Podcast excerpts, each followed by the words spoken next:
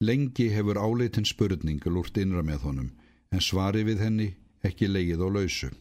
Grunnsemdir, hálkveðnar vísur, tvíræðar háðsklósur strákana, hæfnar getgátur, hafa gefið eitt og annað undir fótinn og smám saman skoti stóðum undir þann ásetning að komast þar að öllum sannleika. Nei, það er ekki lengur hægt að sætta sig við það lífslagmál að vera aðeins drengurinn hennar frængu eins og það liggur í augum uppi að það er eitthvað bóið við þá kenningu. Öll börn eiga sér foreldra, því manneskjan, svo lítilmótleg sem hún þó er, verður ekki til af sjálfri sér. Í upphafi mætast tvær ósýnilegar frumur í heitu myrkri og undri skeður. Líf kviknar við þann samruna í fyrstu óskapnaður en í heitu, dimmu hýði sínu tekur það smám saman á sig mennskan skapnað. Og í fyllingu tímans sprengir mannsbarnið sér leið út í þá veröld sem því er búinn. Ósjálfbjarga, leiksoppur, tilgangs og tilgangsleysis upp á von og óvon, hvoru veitir betur. Frænka verst hetjulega í lengstu lög þegar hún er krafin sagna. Drengurinn hennar á að láta sér það næja að eiga hana eina að. Auk þess er hann alltof ungur til að vera leitur í þann sannleika sem aðeins fullornum ber að vita einhver deili á. Svo er það óviðeigandi að tala um svona. En hann er ekki lengur það barn sem hún heldur hann vera og endanum tekst að brjóta niður viðnám hennar. Játning hennar er sundur slitinn af snítum og snökti en þrátt verið það nóg og heileg til að ofinbera hinn óttalega leindardóm. Vetur rennur og enda og framundan blasir við heilt sumar sem hann getur helgað álkonunni fáru í kirtlinum rauða og draumi sínum um blómið upp úr snjónum. Aldrei hefur vorið hann pá dásamlegri fyrirheitum og einmitt nú. En það á ekki fyrir honum að liggja. Kvöld eitt við matborðið lítur frænka á hann yfir glerugun og lætur orðfylgja augnar á því. Þú ert orðin svo stór, eilifur litli, að mér finnst komin tími til að þú gerir eitthvað í sömar. Gerir eitthvað? Getur pilturinn upp eftir henni auðlalega og skilur ekki hvað hún er að fara. Já, ég sagði það, eilifur litli. Áttu við að ég eigi að útvöða mér einhverja vinnu? Mér datt það sér svona í hug, segir frænka. Það verða allir að leggja eitt hvað á sig til að lifa lífinu. Auðvitað ætlast ég ekki til að þú gangir í hvað sem er. Nei, ég hef ekki alið þig upp til þess að þú þyrtir að gera þér alltaf góðu. Vinna. Þetta vandamál hefur ekki kvarlað á þónum fyrr eins og það liggur þó í augum uppi. Allir verða að vinna, minnstakosti fullorði fólk, þótt misbrestir hafi oft verið þar á og þá eingöngu sög auðvaldsins. Bildingin aftur á móti krefst vinnu handa öllum og hún einn hefur rétt fyrir sér. En þessi sjálfsaða krafa hefur ekki enn snert hans sjálfan svo hann er út á þekju og veit ekki hvað segja skal. Það er vist ekki hlaupið að því að fá vinnu, tekst honum að segja um síður eins fullorðinslega og honum er und. Það er alltaf sama atvinnuleysið. Þeimlegst æmilega eitthvað til sem bera sig eftir björginni, segir Frænka. Það var hann alltaf vanur að segja. Þegar frænka segir hann með ótvíræðri áherslu á hún við mannin sinn sáluga. Hún er farin að taka upp á því í setni tíð að vitna í hann í tíma og ótíma. Æfinlega hafði hann sagt og gert það eitt sem rétt var, vita hvað við átti og leist allan vanda fyrir sjálfan sig og aðra. Honum átti alltaf trista. Dómgreind hans hafði aldrei brugðist. Orð hans voru lagabókstafir sem ekki var þrundið. Svo fullkomin var hann orðin að aðeins skorti heslumunin í þann hóp heilagra manna sem höfðu það forskot eitt sér til ágætis að hafa verið lengur döðir en hann. Frænka lítur til myndarinnar af honum á þýlinu áður en heldur lengra. Hann var vanur að segja að starfið væri fyrir öllu og svo sannarlega breyti hann eftir því bóðorði. Það var líka skrifað fallega um hann þegar hann kvatti. Eilífur hefur hliðrað sér hjá því að draga fullkomnun hans í Eva til að særi ekki frængu. Etilvill hefur hann haft sína kosti þótt að bæri ekki vottum tillit sem af hans hálfu að láta frængu eina óforsvaranlega snemma. Kanski gætt hann heldur ekki að því gert og þótt svo hefði verið var honum naumast láandi þegar öllu var á botnin kvöld. Hann finnur augu frængu kvíla á sér, þótt þau séu orðin gömul geta þau verið kvöss og miskunarlaus. Ég get reynd að verða mér út um eitt hvað að gera, segir hann til að friða hanna. Bara eitt hvað að gera, segir hann hussar. Nei, það verður ekki að því. En svo ég er búin að segja, ætlast ég ekki til að þú leggir þig niður við hvað sem er eins og einhver verkamannsbjálfi. Svo látt hefur engin af ættina lagst ennþá. Ég ætlast til að þú verðir heldri maður og hef alið þau upp sangkvæmt því. Frænka tekur upp vasaklútin sinn og snýtir sér. Hún þarf ofta að grípa til hans í setni tíð þegar henni liggur mikið á hjarta. Ég hef ekkert hugsað út í hvað ég vil verða, segir pilturinn þvert ofan í samfæringu sína. Það hefði verið eðrilegast að þú fetar í fótspor ættarinnar og erði faktor, segir Frænka. En svo nafnbót er vist ekki lengur í áliti og auk þess svo liti varasum. Já, það er af sem áður var. En það eru fleira að móða fyrir þig, síslumadur, dómari, bankastjóri, kannski prestur, já, því ekki það. Það læðist kulda fyrringur niður eftir bæki hans. Ég held mig langi ekki til að verða neitt að þessu, segir hann svo varkár. Ég ans ekki svona, segir frænka ákveðin.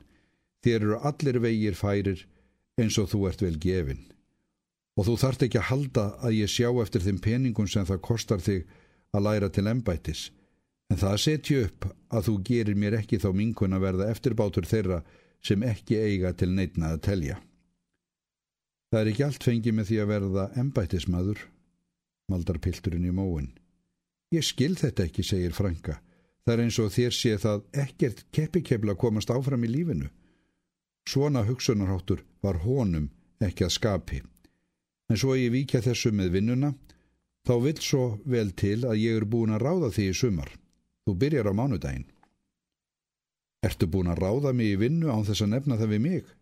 spyr hann dolfallin. Ég er að orða það við því núna. Frængar að byrja að verða óþólunmóð. Þú hefur ekki sínt tilbörði þá átt að verða þér út um neitt, svo ég tók af skarið. Yðjuleysið er ekki lengur holdt fyrir þig, komin þó á þennan aldur. Hvaða vinn er þetta? spyr hann smeykur við svarið. Það er heiðarlega vinna og í ættinni hefur aldrei verið litið niður á hana. Þú kannast við hann Grím Kaupmann hérna niður á horninu. Ég hef alltaf skipt við hann og hann hefur æmilega reynst mér áræðanlegur.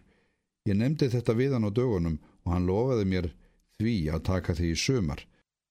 Þú ótt að vera honum innanhandar bæði í búðinni og á kontórnum ef þú stendur því vel. Jæja, þá veistu það. Eilífur kannast óþæginlega vel við búðina hans grímskamla á horninu, svo oft hefur hann skotist þangað til að reyka erindi frængu. Og æminlega hefur hann orðið því feignastur að komast þaðan út undir bert loft. Búðin er dimm og lág undir loft. Það rægir öllu saman matvöru, grænsápu, ólíu, verkværum, klisturuðum brjóssikri, vinnufatnaði, sjóstökkum, skemdum kartöflum, saltfiski og slepjuðu kjöti. Innan um alla ringulreiðina snúast er grímur kaupmaður og jobbi búðarloka og sést ekki af þeim nema rétt niður fyrir axlir þegar þeir skáka vörunum fram yfir búðarborðið. Höfuð gríms er stort og ferkantað með gráum hárlíum bak við eirun, en þar fyrir ofan er það snóðið og riði bláu æðanetti. Jobbi er hár og krangalegur, hlægilega uppmjór og staðræðan í því að vera aldrei öðruvísi en full á svipin. Eilífi verður óglatt við þessa upprifjun, ítir diskinum frá sér og hraða sér út úr stofinni til að eiga ekki á hættu að kasta upp. Dómi frængu verður ekki áfríðað, svo tiltekinn morgun lappar hann niður í búð uppi skroppa með alla hugsanlega möguleika sér til lausnar. Grímur kaupmaður hefur þegar skotið loku frá dýrum og jobb er byrjaður að gaufa. Þegar eilífur heilsar reymur grímur viðegandi svar en Jobba finnst ekki taka því að ansa kveðjunni. Svo stendur hann þarna innanborðs þar sem hvergi verður þverfótað og veit ekki sittur júkandir áð. Nó að gera drengur minn, segir Grímur. Aldrei láta á anríkjunu. Þú byrjar á því að líta í kringum þig og átta þig á hlutónum. Þú lítur til með hann í jobbi minn og segir honum til. Jobbi búðarloka sígur upp í nefið og segir svo sem vita fullvel að því verði hann að bæta á sig þó hann sjá ekki fram úr því sem hann hafi á sinni konnu. En það verða að taka því, þó hann telji sér ekki ráðun til barðfórstustarfa. Dagurinn er martröð og alltaf jafnlangt til kvölds. Allur þessi hrærigrautur af vörum rennur saman í eitt og hann veit ekki nöfn á neinu. Þau segja heldur ekki alltjent til um útlitt og innihald og enn síður um eiginleika vörunar. Ofan á allt annað bæti svo raun að vit ekki verð á neinu. Sveittur og tauga úrstyrkur verður hann að horfast í augu við sitt eigið getuleysi. Það er honum ólýsanleg þjáning að standa frammi fyrir viðskiptavinni og vita engin svör við því sem um er spurt og finna ekkert að því sem hann leitar að. Hann óskar þess eins að grímur reki hann formálulegst úr vistinni. Það lítur að liggja í augum uppi að hann er gjörsamlega óhæfur til starfsins. Jobbi búðarloka bætir ekki úr skák því hann hefur limskulega nöytna því að niðurlæja hann og helst svo aðrir heyri. Skári er það mentunin, heyrist hann tauta fyrirlitlega.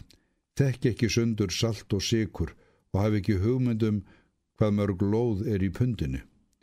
Tekur þó út yfir að viti ekki hvað þryggjapela flaska af steinólíu kostar þegar potturinn er seldur á 23 öyra eða eitt hvað nála tví. Það er til einhvers að ganga í þessa skóla Hm.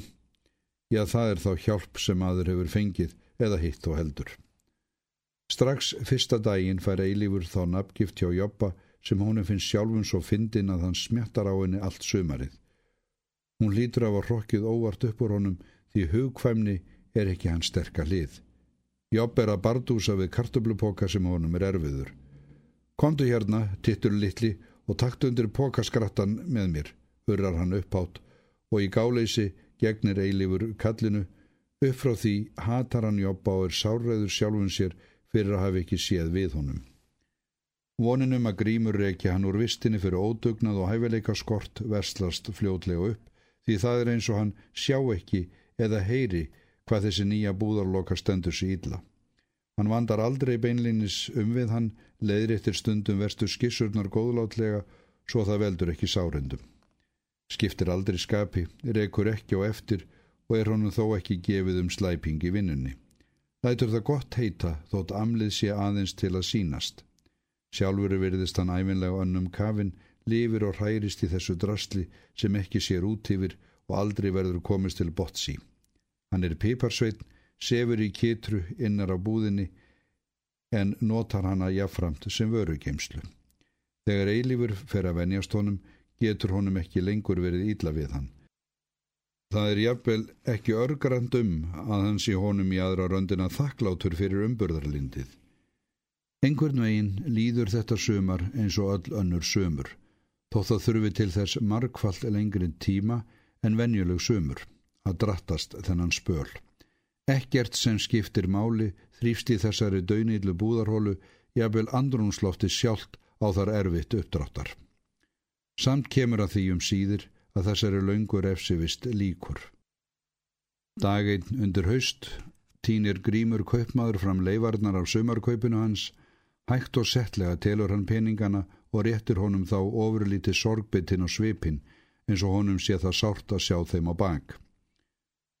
Þú stóðst þig vonum framar, drengur minn, segir hann svo þegar peningarnir hafa haft eigandaskipti. Ég ráðleg þér samt ekki að leggja fyrir þig handlun. Það er ekki allir fættir til þess, ó nei.